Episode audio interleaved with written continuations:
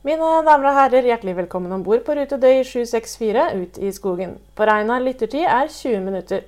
Før lytting må du fylle kaffekoppen, slå ned stolryggen og feste proppa godt i øret. På vegne av kaptein Gotlund og Lyden av skogbruk håper vi du har funnet deg godt rette, og ønsker deg en god tur.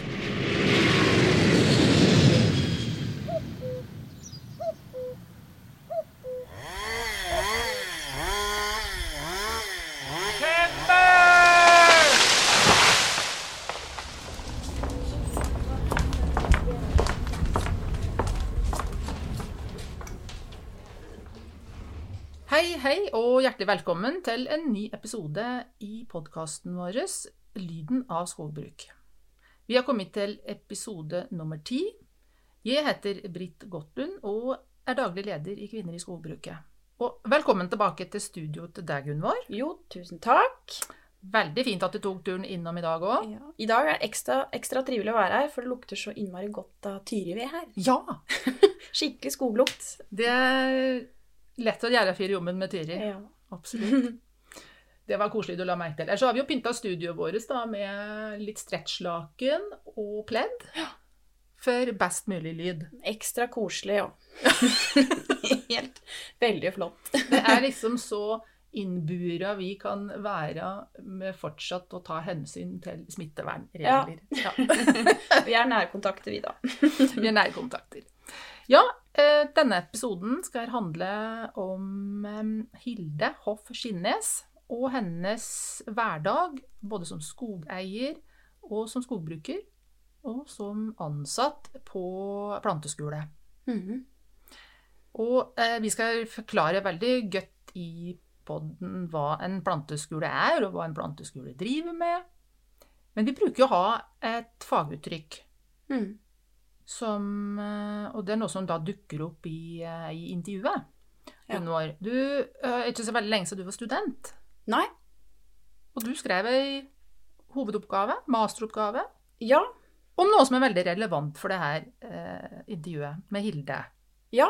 Jeg er egentlig glad jeg ble stand-in i denne episoden her, for det her er jo et hva skal jeg si, perfekt tema for meg. Ja. Hvis eh, man skal velge en nisje i skogbruket, så er det i hvert fall planter da, som er min nisje. Mm. Eh, Jeg gikk ut av eh, Ås, da, eller eh, NMBU, i 2017. Og da skrev jeg en masteroppgave i samarbeid med NIBIO. De, Hva er Nibio? Norsk institutt for bioøkonomi. Ah. Og de eh, forsker da på, eh, på forskjellige eh, ja, hva skal jeg si, natur- og skogrelaterte ting, da, for å si det enkelt. Og da kom jeg borti et forskningsprosjekt som omhandla det her med plantemateriale, da. Og de har forskjellige, forskjellige forskjellig type forskning som gjøres, men jeg ble da med på å sammenligne plantemateriale og se på viktigheten av eh, rutiner i planteskolen og næringsinnhold i gjødsla som ble gitt da. Så da hadde jeg en sommer hvor jeg sto mest med hodet ned holdt på å si, og rumpa opp og målte på små planter.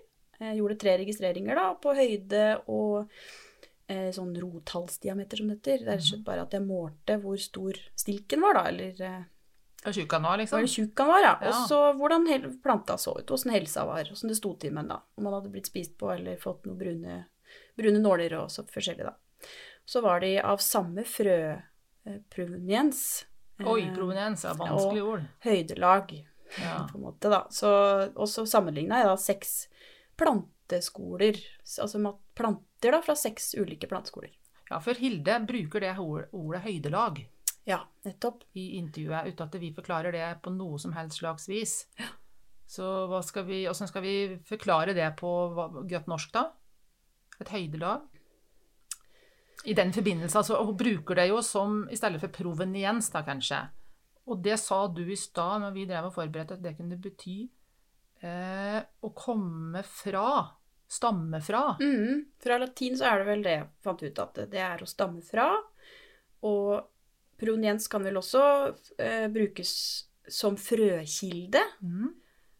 Eh, og det har jo da med både altså med klima å gjøre, jordsmonn Og hele poenget er vel at hvis du, hvis du skal plante eh, sette et granplante, da, hvis- som vi, ettersom vi prater om planteskog her, og den skal du sette på 300 meter over havet eh, på 60 grader nordlig bredde, bare tar vi et Mhm. helt, det er omtrent her som vi er nå, Mhm. så bør frøet til den planta komme ifra et veksestelle som er så likt som mulig Mm. det klimaet som er her, Ja. for å utnytte veksten, og for å ikke fryse om våren, eller fryse om høsten, eller Nei, nei. starte veksten for seint eller for tidlig, eller Mhm. Ja. Frøet har utvikla seg for å fungere best mulig akkurat der det er fra, på en måte, Ja. da. Så, så derfor så er jo også den skogen som kommer opp naturlig, og frødd seg sjøl, er jo på en måte den skogen som er best egna akkurat der.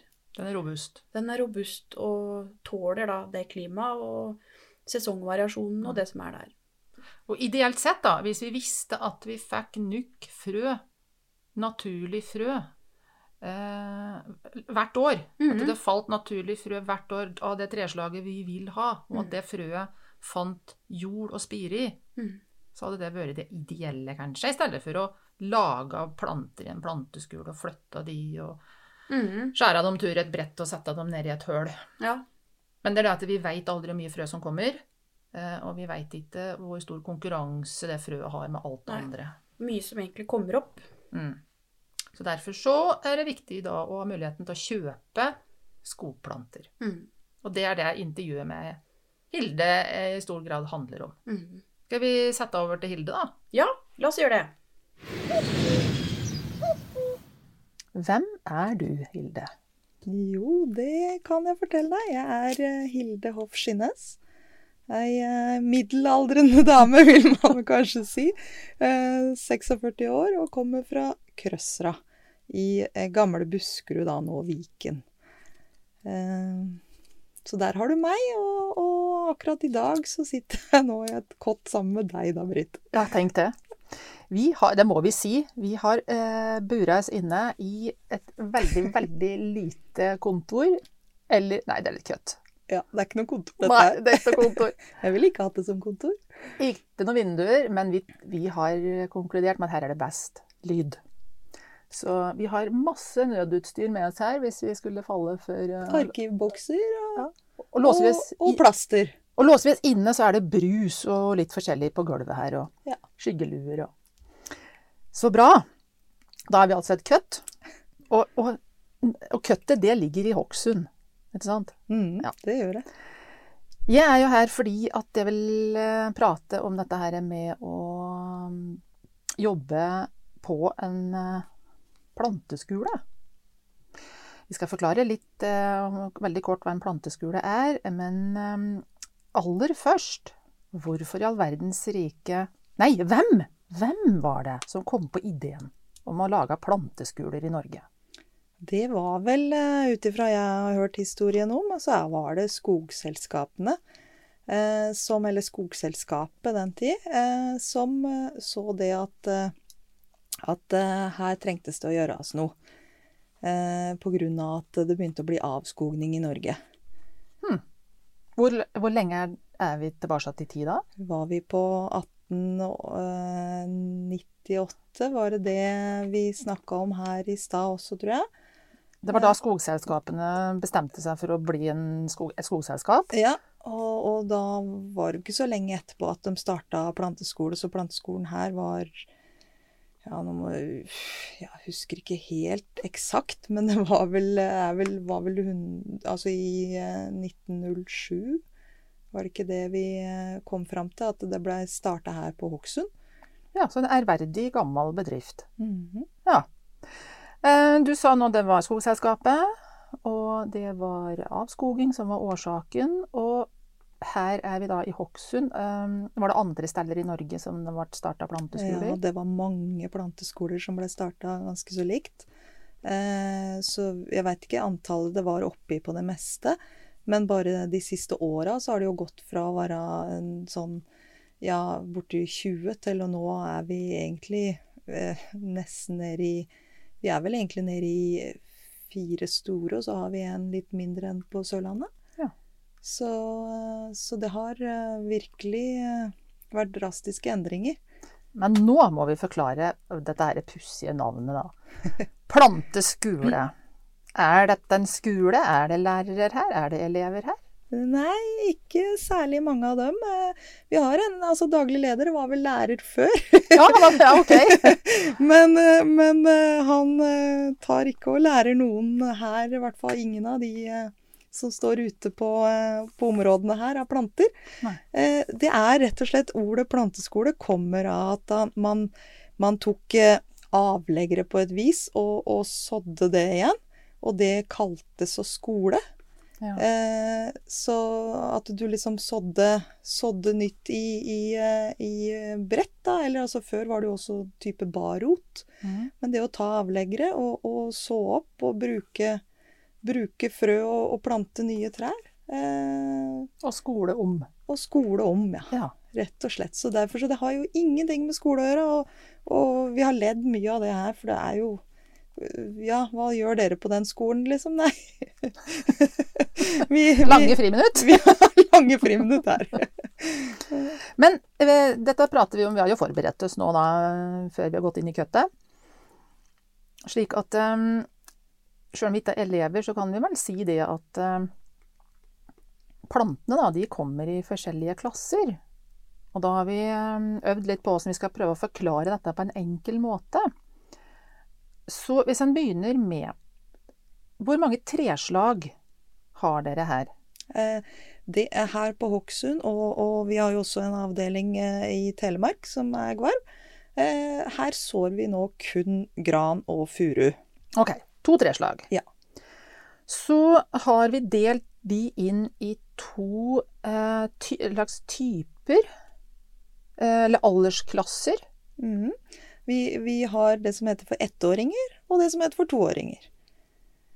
Ja, og kort forklart, hvor lenge vokser en ettåring før han må forlate skolen? Eh, ja. det er ganske rask skolegang, for Ja. den, den blir da sådd i helt til slutten av februar. Eh, den blir putta i drivhus, og så kommer den ut på friområdet, altså eh, blir satt ut på, på eh, barmark, som vi kaller det. Eh, og den, eh, den står da bare over sommeren, og avslutter da veksten sin i, i slutten av august. Og, og så pakker vi den da i løpet av høsten og legger den på kjøla, og den blir da levert ut til kunde den første vår, altså våren igjen da. Så den er jo da ett og et halvt år da, når den kommer ut. Hvorfor må den ligge på kjøla?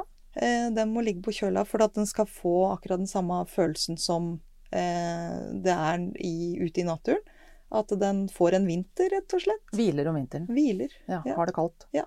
Det var ettåringen. Og den toåringen da, hva er spesielt med den? Eh, toåringen blir jo da litt større, da. Eh, så den står jo bare ett år lengre. Den eh, sås litt seinere. Den sås i, i eh, mai-juni. Eh, og så blir de da først inn i drivhus, og så er det ut på frimark. Og så står den der da hele den sommeren. Den står ute også her i Hokksund, så står den ute hele vinteren. Så den får liksom veksthvilen sin ute. Ute, ja. Mm. Eh, det er litt sånn forskjellig fra planteskole til planteskole hvordan man gjør det. Vi har Den avdelinga vi har på Gvarv, så, så tar vi faktisk toåringene våre inn. Mm. Og det er litt tryggere også i forhold til at da får de en jevn vinter. Mens her på Hokksund så kan det jo være litt av og på med snø og litt forskjellig. Så, så det er litt utfordringer sånn sett. Men den står da ute hele vinteren. Og, og så står den enda en sommer. Og så vi, så selger vi dem på høsten, og så de vi ikke har solgt på høsten, dem pakker vi, og så selger vi dem på våren der igjen. Så da er de to og et halvt år. Okay. Og så, um, da har vi to treslag. Vi har to aldersklasser, og så har vi to størrelser. Mhm. eh, størrelsen kommer av at vi, vi bruker eh, ett og samme eh, størrelsen på brettet. Brettet er vel en sånn eh, 30-40, eller ja, nei, 35 Ja. ja. I, altså i Firkant. Firkant, ja. Og, og eh, det ene brettet det har da 95 høl, og det andre brettet har 60 høl. Så det vil si at det med 60 høl er, har jo større høl, for det er akkurat samme størrelsen på brettet. Og da blir det en større rotklump. Det blir plass til mer torv og plass til større røtter oppi den. Eh, det brettet, da. Sånn at da får vi den som heter for M60. Ok, 60 planter får plass på ett brett. Ja, og Mm. den som, da het, som har da 95 hull, da er det plass til 95 planter i ett brett. Så det er forskjellen på dem. Veldig bra. Da håper jeg at lyttere òg ser for seg at du har rett og slett et eh, brett som er ikke helt kvadratisk, men det er litt rektangulært. Og på det brettet er det liksom eh, Eller akkurat som det henger sånne reagensglass under, på en måte. Mm, mm. Og så setter de da setter de ett frø på hvert stelle. Ja. Og så vokser de frøa opp til planter mens de står i de her reagensrøra, på en måte. Mm. Hvor mange dør? Eh, det er litt sånn ut ifra eh, forskjellige faktorer. Men vi, har, vi prøver jo å komme oss opp i hvert fall at vi har en 80% overlevning i det eh, brettet. Mm. Det kommer litt an på hvor brettet står hen på banene. Står de ytterst, så er det mer fare for frost på kantene. Eh, og litt mer uttørking på kantene enn hva de gjør hvis de står midt inne i en bane. Så, så men en, at vi 75-80% vil vi gjerne ha i livet etter at vi har, har sådd dem. Og da skal vi eh, prøve å finne ut hvor mange planter det er mulig i en planteskule å ha per eh, kvadratmeter. Dette har vi regna litt på. Og da fant vi ut at eh, ut ifra de plantene som dere selger hver sesong, som du sa er ca. Ja, rundt 10 millioner planter klarer vi nå, og, og det selger vi nå. På et normalår. Fint. Og da har vi regna på at eh, plassen som de har tilgjengelig her, den sa han Lars, som da er daglig leder, at den var ca. 35 dekar. Og så tok vi de her millionene, og så tok vi den plassen som er tilgjengelig. Og da fant vi ut at det går an å dyrke 185 planter per kvadratmeter. Mm. Og så er vi litt glad i fotballbaner. For det er sånn som folk liksom kan se for seg hvor stor en fotballbane er. At dette er en stor fotballbane, sånn internasjonal. Og da havna vi på hva var det, 1,3 millioner planter. På én fotballbane. Mm. Mm. Så de lever tett. De gjør det. De står eh, tett i tett. Og da har jeg, for da har vi liksom svara på det her spørsmålet hvor stor plass trenger denne planteskuren. Så det er veldig fint når du kommer inn her, når du kommer kjørende. Eh, sånn på sommeren når alle plantene står ute, så er det veldig fint å se. For det, er jo, det blir nesten som en fotballbane. Bare vi har lange, grønne, grønne åkre her, egentlig. Da. Og så er det egentlig en, en plass hvor det er Vi har masse grus og stein i bånn. For det, har vi gjort med vilje da, for å unngå mye ugras. Mm. Og da er det veldig fint når de grønne plantene står oppe. Så ser det ut som en fotballbane, nesten. da. Men hvor blir det av disse plantene, da? Etter at dere er ferdig og har dyrka dem fram? Nei, da øh, flyr de ut til kunder. Eh, og kundene våre er jo både de store, store skogeierlaga og, og privatkunder. Så de havner jo da inn i, i eh, skogbruket i Norge. Det gjør de. Jeg tenker at eh, som hører på podkasten nå, så har han lyst til å sette noe av trær, da. Eh, lage seg en hekk kanskje, eller har litt grann, eh, som har lyst til å lage seg en bitte liten skog. Og da lurer jeg på hvor mange busker, eller hvor mange små planter, må en kjøpe hvis han kommer hit og er kunde? Ja, altså det, du kan få velge nesten akkurat sånn som du vil. Eh, vil du ha det til en hekk, så eh, klarer vi å selge helt ned i buntnivå. Så da er det enten 30 eller 50 som er minstekvanta. Og av og til så er det òg sånn at eh, hvis det er en som aldri har sett en grønn plante før, så selger vi ei plante, og vi, hvis vi, vi bryter opp en bunt, og så kan du få kjøpe den òg hvis du vil det. Det var jo veldig kundeorientert. Ja, ja, ja. Vi må jo prøve å hjelpe alle. Og hvor mange millioner kroner må du ha med deg hvis du vil kjøpe ei plante, da? Nei, det er, det er ikke så mange millionene. Eh, I snitt så, så koster en plante hos oss tre kroner. Eh, Så vi er ikke veldig dyre på de plantene her. Det er vi ikke. Eh, Det, men det er små, små trær, så, så eh, de skal jo ikke koste altfor mye heller. Skal du ha mange, skal du plante et stort område, så, så eh, må du jo Ja, Mm. vi kan jo ikke ta altfor mye for dem, men det er vi, vi har en snittpris på rundt tre kroner. Noen er litt dyrere, som er litt av de M60, da, som er litt større. Mm. Og noen er bitte litt billigere.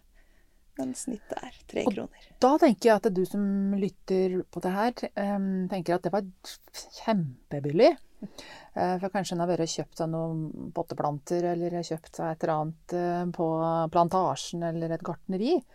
Men, men greia er jo den at når en eh, i skogbruket skal sette planter, så skal vi jo ha ca. 200 planter per dekar. Mhm. Og hvis vi tenker på denne her fotballbanen vår, da, så skal vi ha ca. 1500 planter på ei fotballbane. Så det er jo et poeng at du ikke er altfor dyr. Det skal jo være, være overkommelig å, å plante opp igjen òg. Du setter jo av til skogfond når du hogger, og, og, og du bruker jo av skogfondet når du skal betale for plantene. Og betale for plantørene. For nå sklir vi litt over i det her med eh, Vi pratet om i stad hvorfor planteskolene ble etablert, og det er jo godt over 100 år siden. Eh, og så, så lever de fortsatt da nå, Elde, som, som bedrift. Eh, og nå har det gått 100 år og litt til. Eh, og så, det er jo ganske mange bedrifter som på et vis blir overflødige, fordi utviklingen går sin gang. Men, men her er det også sånn at de er kanskje absolutt like, vikt, like viktige nå som de var for 100 år siden. Ja, absolutt. Det er jo det, er jo det som er fordelen vår. At uh, varen vår blir ikke utrangert eller brukt opp uh, på noe vis. Altså, skogbruket, det, det er en eh, evig runddans. så det er jo da å hogge, og så er det jo da å plante, og så, og så skal de opp igjen. Og etter en eh, fra 70 til 90 år så er det jo hogstmodent igjen, og da skal det jo hogges og plantes igjen. Så, og eh, jo bedre frømateriale, altså bedre planter du planter med også, jo raskere går kanskje det fram til trærne er hogstmodne. Og da, så, så behovet for planter er jo der hele tida. Det er det. Jeg begynte i skogbruket for kanskje nesten 30 år siden. Eh, Så jeg har eh, hørt noen si at eh, vi ikke blir kvitt plantene våre. Jeg har hørt om planteskoler som ikke har fått solgt plantene sine. Er dere i den situasjonen? Nei, det er vi ikke nå. Vi har nok vært der, men den tida jeg jobba her, så har vi solgt alt vi har hatt. Alt vi har sådd inn, det har vi solgt. Eh, Og det, det ser ut til å vedvare, det. Eh, Vi får egentlig ikke produsert nok eh, per dags dato. Eh, Men nå er vi jo i den litt heldige situasjonen at vi, vi har en del storkunder, så vi har litt mer forutsigbarhet i forhold til hvor mange planter vi tror kommer til å gå i løpet av et år òg. Så det er ikke sånn at dere får bestillingen, og så sår dere. Dere sår det dere har muligheten til å så. Vi sår det vi har muligheten til å så, men vi har noen bestillinger i bakhånd.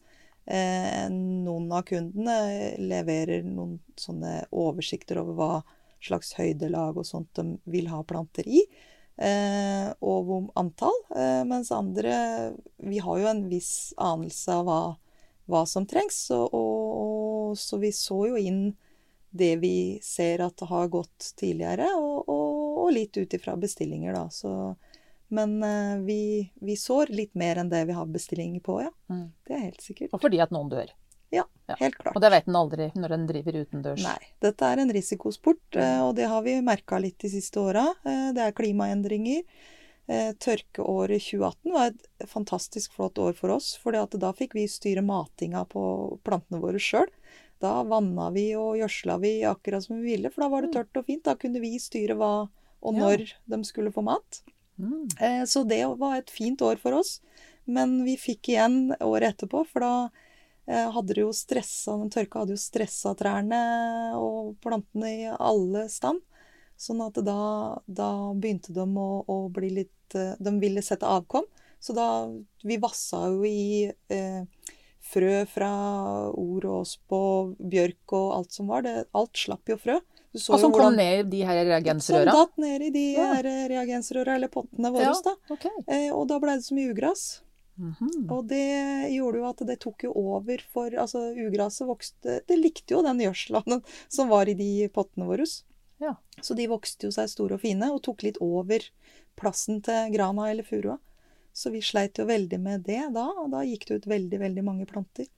Så 2019 var jo et, ikke et ålreit år for oss. Og så har vi da, sånn som i vinter, så var det, var det veldig eh, lite snø på Hokksund.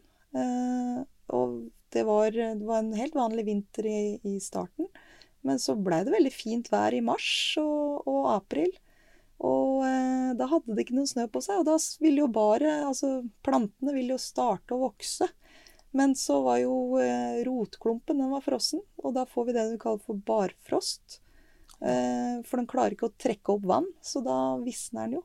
Akkurat som når vi trener for hardt Ja. og svetter, og så får vi ikke i oss nok vann og salter. Ja.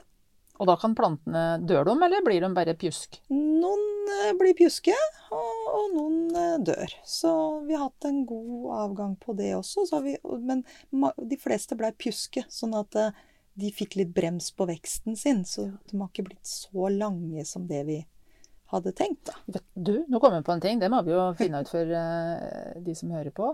Ei plante når hun er sånn ettåring, og lang er omtrent liksom over jordklumpen? Over jordklumpen så, så skal den være fra Vi har vel sånn minstekrav på sånn 11-12 cm, og opp til en 25-30. Eh, men sånn gjennomsnittlig rundt 20-25 da, centimeter.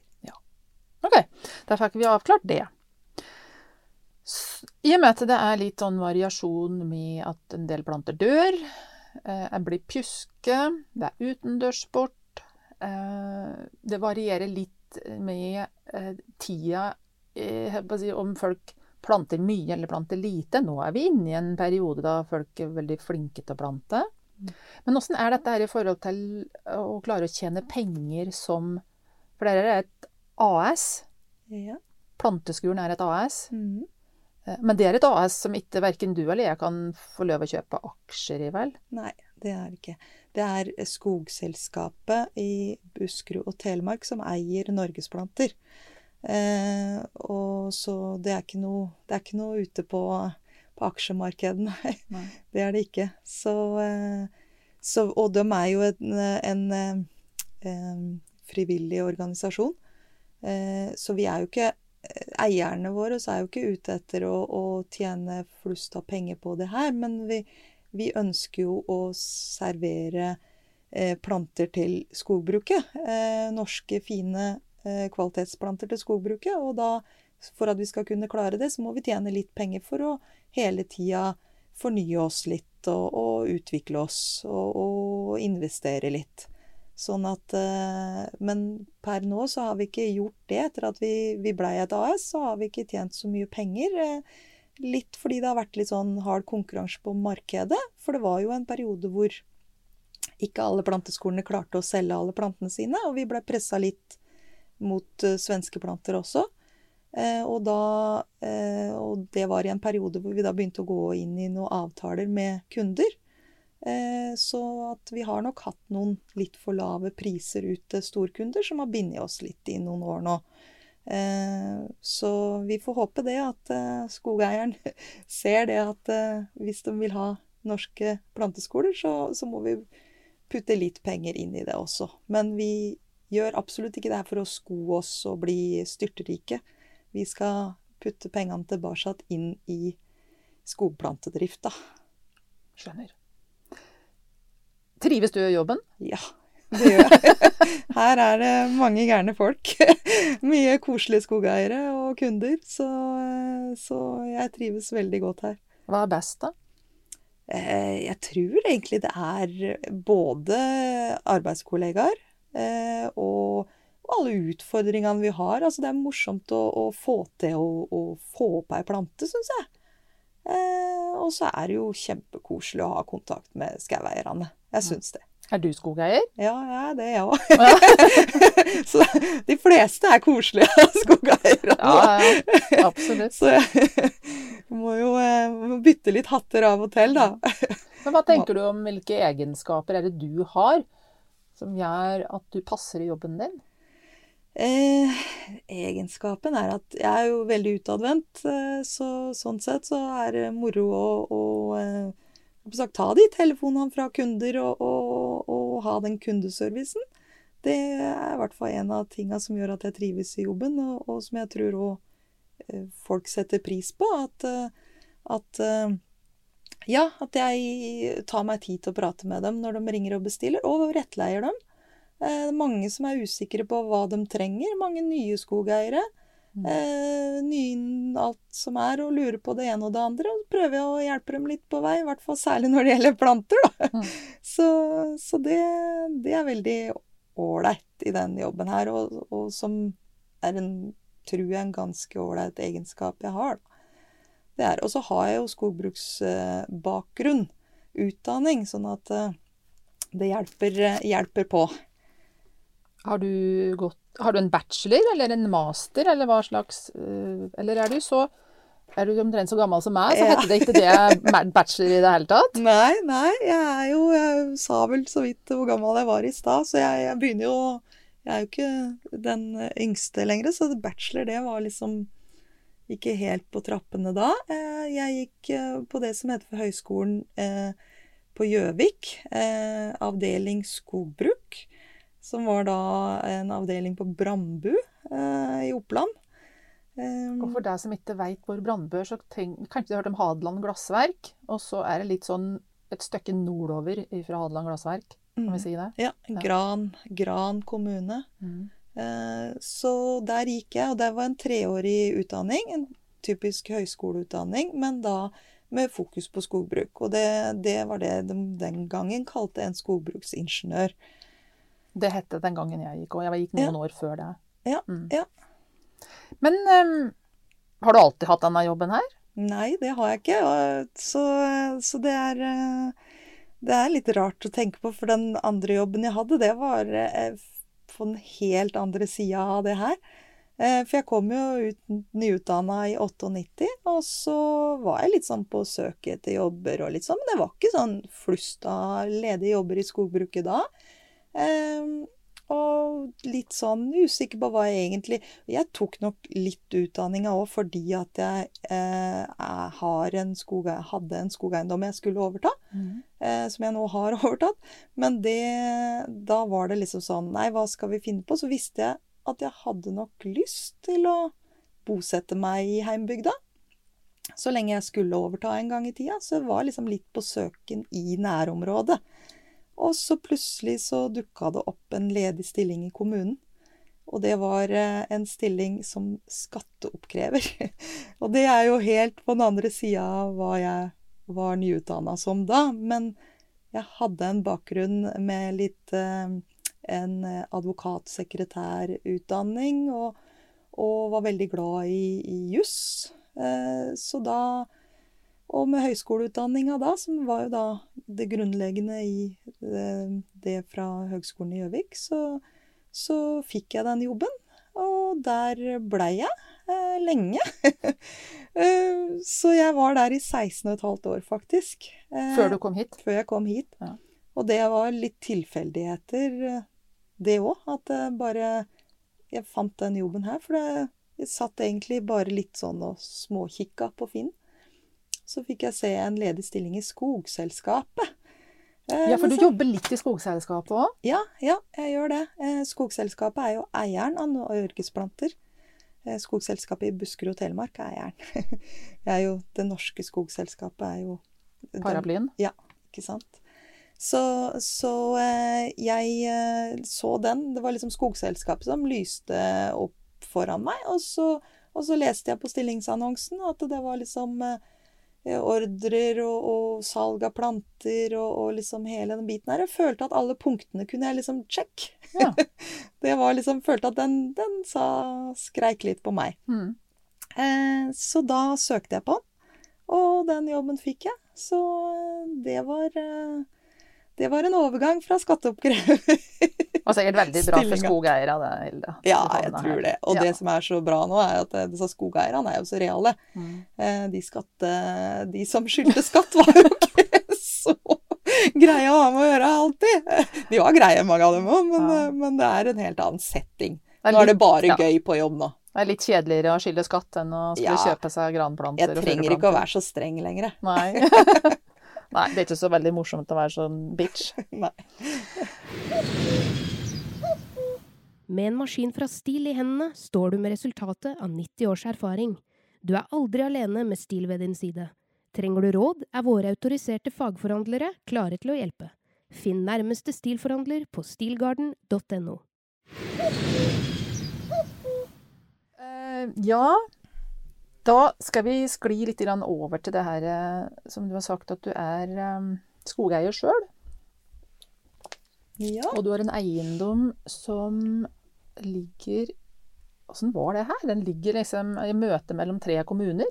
Ja, eh, jeg kommer jo fra Krøsra, eh, som er da kommunen hvor Nordfjell ligger. Det er vel de fleste av kanskje veit hvor Nordfjell er hen. Og, og, og bygda der heter da Krøsra. Eh, og skogeiendommen min den ligger da eh, eh, i et område som kalles for Holleia. Eh, som da er en, et område som hører til i tre kommuner. Ringerike og Modum og Krøtsra. Og vi er vest for Hønefoss. Ja, Det er vi. Litt sånn helt grovt. Og helt nederst i Hallingdalen. Nederst i Hallingdalen, vest for Hønefoss. Da, da er vi inne i koordinatsystemet. Ja. Da bør folk klare å forstå hvor vi er hen. Ja. Og størrelsen på eiendommen din, den har vi òg regna litt på i fotballbaner.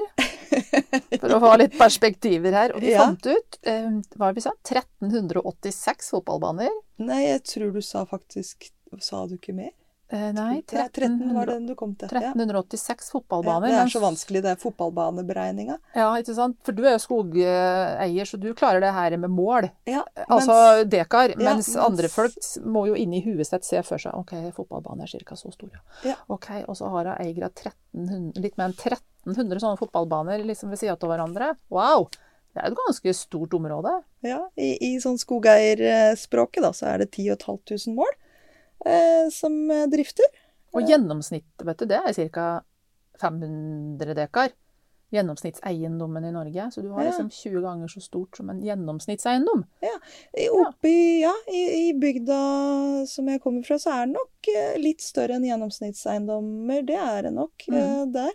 Eh, det, er også, det er vel egentlig delen Mye av Buskerud har vel litt mer enn gjennomsnittseiendommene, tror jeg. Jeg vet sånn som i Numedal òg, så er det jo store eiendommer. For det er litt Jeg lærte at på f.eks. på Sørlandet, i Agder, er det veldig mye små eiendommer. Ja, ja. Så det er sikkert eh, Men en, en, et gjennomsnitt er jo bare en, et resultat av stort og smått og midt imellom. Ja. Som blir lagt sammen og delt på antall. Antall, ja. ja. det, er ikke, det er ikke sikkert det finnes så veldig mange som ligger på gjennomsnittet. Nei, nei. Og vi har da mm, Og før eh, intervjuet eh, prate litt om dette her med Mange tror jeg har en slags bilde i huet av åssen en skogeier ser ut. Eller er. Og nå sitter du foran meg med bling på buksa og Ikke så mye bling, da. Nei, litt, litt pynt på buksa og Altså, du er så vanlig at eh, Altså, positivt vanlig at det er jo ingen som ville tenkt at å, her kommer det en skogeier, liksom. Nei, nei. Nei, eh, det er nok ikke Altså, en gjennomsnittsskogeier er Den er nok blitt litt annerledes enn hva den var før. Eh, det vil jeg jo si. Men, eh, men jeg, jeg er en helt vanlig jente. Eh, jeg har ikke noe sær... eh, sære ting, egentlig. Jeg, jeg liker jo å jakte, jeg gjør det. Eh, Det er jo litt uvanlig som jente, men det er begynt å bli mer og mer vanlig, det òg.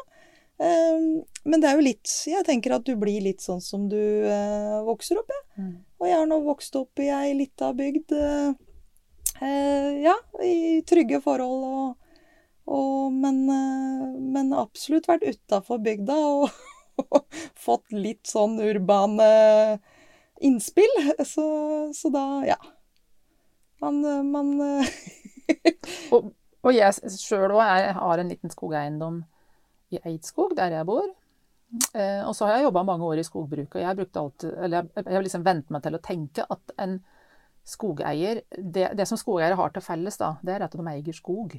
mm. Eller så er det, kommer de liksom alltid fra Man kan være kirurger eller uh, kubønder eller uh, jobbe på planteskole eller uh, hva vet jeg, være hva som helst. Ja, og så tenker jeg det at eh, en skogeier har ikke de eh, Det er ikke alle Altså, du har jo ikke en eksakt samme interessen for eiendommen din heller, liksom. eh, Sjøl om du er en skogeier. Altså, noen eh, syns det er ålreit å sette bort eh, drift og, og bare bruke den til rekreasjon og, og eventuelt bare jakt, liksom. Mens eh, andre vil gjøre det fra A til Å. Hva gjør du, da? Jeg gjør eh, stort sett fra A til Å. Jeg setter jo selvsagt bort driftene, for det er Altså det, såpass da er drift det- er liksom den praktiske når du Ja. hugger og kjører tømmeret ned til en vei. Ja. Ja. Eh, men liksom vi, vi tar også alt sånt som har med planlegging av hogst og, og planlegging av planting. Og planter har jeg jo sjølsagt passa på så jeg har. Ja. Eh, og, og jeg liker å gå med røddesaga. Jeg er kjempeglad i å, å drive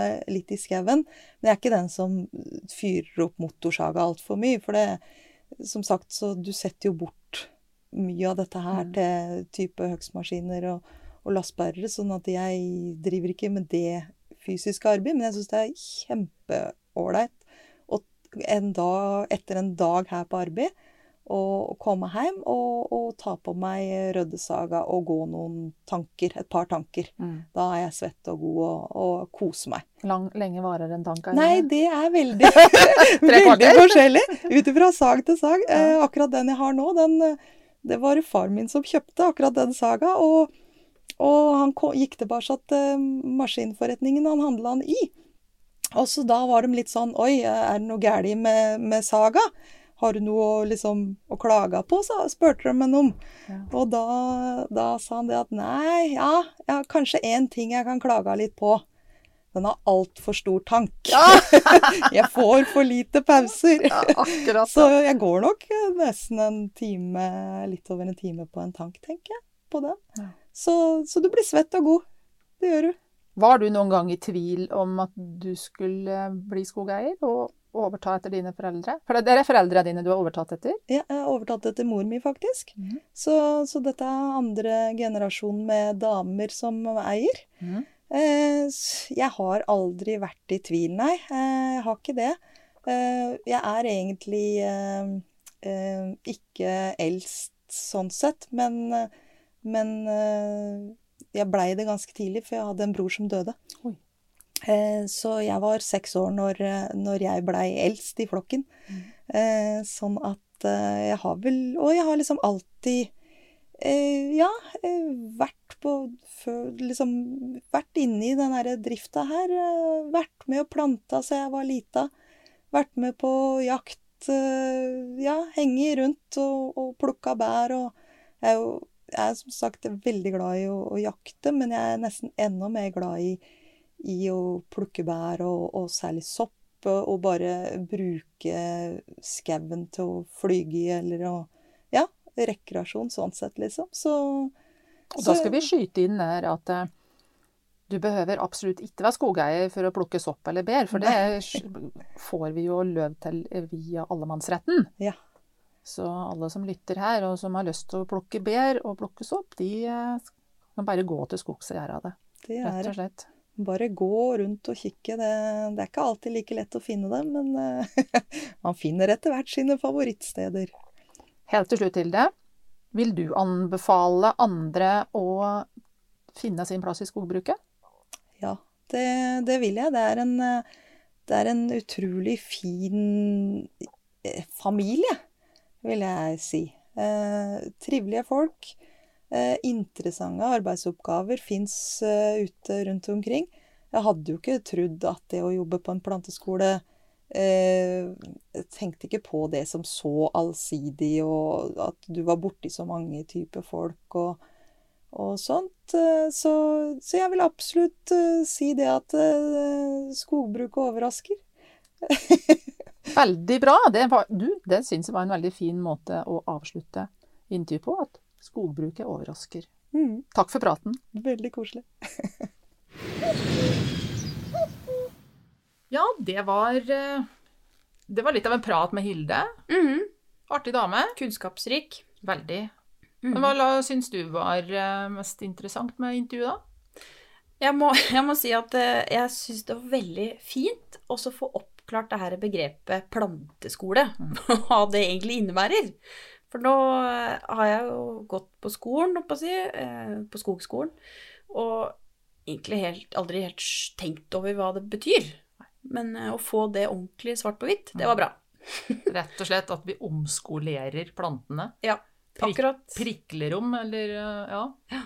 Så det er en, altså en skole uten verken lærere eller elever, da. Nei, det er akkurat det. det er litt forvirrende, men det Det kan du si. Jeg satt jo med Hilde i køttet, da.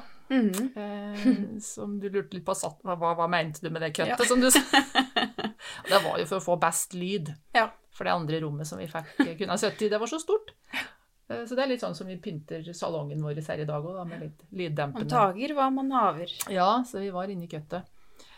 Og Hilde er jo en dame som har tatt ansvar for egen eiendom òg, på en fin måte.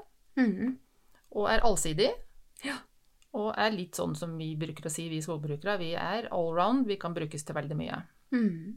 Og så hadde hun Hun nevnte jo det at hun var interessert i juss eh, og økonomi, så det hadde liksom vært litt sånn grunn til at eh, hun eh, på et vis kanskje ble så lenge den skatteinnkreverjobben òg, da. Eh, Ja. Samtidig som sa ikke òg dette når hun søkte jobben på, på planteskolen. Ja. Så var det de her eh, arbeidsoppgavene da, som hun syntes passet veldig bra til Ja. sine interesser. Og så i og med at hun er skogeier sjøl, så får hun jo liksom Hun får jo tilfredsstilt sine skogfaglige si, behov Ja. som skogeier. Mm. Mm. Men det, det ble også nevnt i, i episoden med Anne Aas Ødegaard, som mm. jobber i Viken, at, at når du tar en skogutdanning eller jobber som skogbruker, så er du veldig allsidig. Mm. Så er du innom, innom veldig mange temaer i løpet av karrieren din eller i, eh, i jobben du gjør, da. For det her omhandler alt. Ja. Jeg husker Anne sa da at hun, hadde, hun ville jobbe med tall, og så ville jeg jobbe med folk. Ja. Og så velger jeg skogbruk. Ja, det er akkurat det. Det, jo, det er jo en kombinasjon som de færreste ville tenkt på mm. er aktuelt.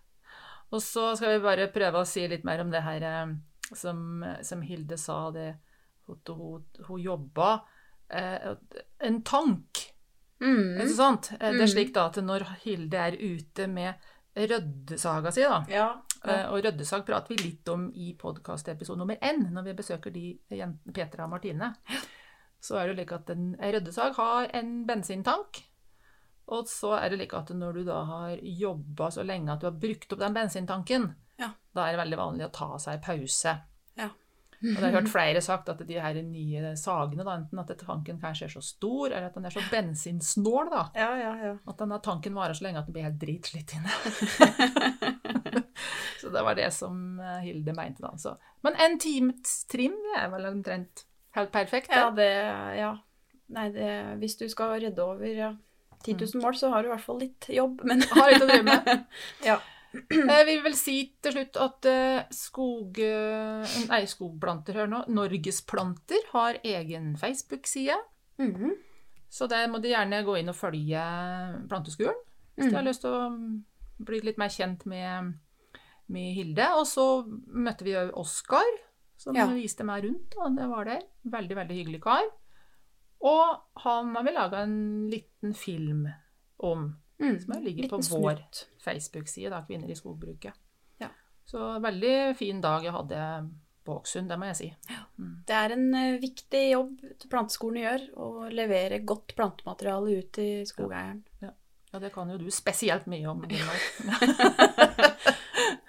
Nei da, det er eh, helt, eh, helt alfa omega. Nå er det slik at når vi kommer til episode nummer 10, episode nummer 11, det kan hende det blir et intervju med din tynningsentreprenør. Ja, hvis du får han med, så. han, er, han er litt sky. Ja. Og vi har eh, fått um, hjelp eh, allerede til å lage spørsmål til tynningsentreprenøren. Det er Johannes som går på Sønsterud. Han Ja. eh, I løpet av to minutter en kveld her så smalt han opp 20 spørsmål. Oi, dæven. Ja, så han, Ja, ja, han var villig til å hjelpes med det. Ja, Så spennende. Da håper jeg at vi snart møtes eh, ute med mikken igjen, da, Gunvor, Mhm. for å prate med entreprenør Eirik. Ja. Eller så sniker det seg en annen episode imellom. Ja. Kanskje. Vi får følge med, folkens, og takk for at de har hørt på oss. Ja. Ha det! Ha det bra.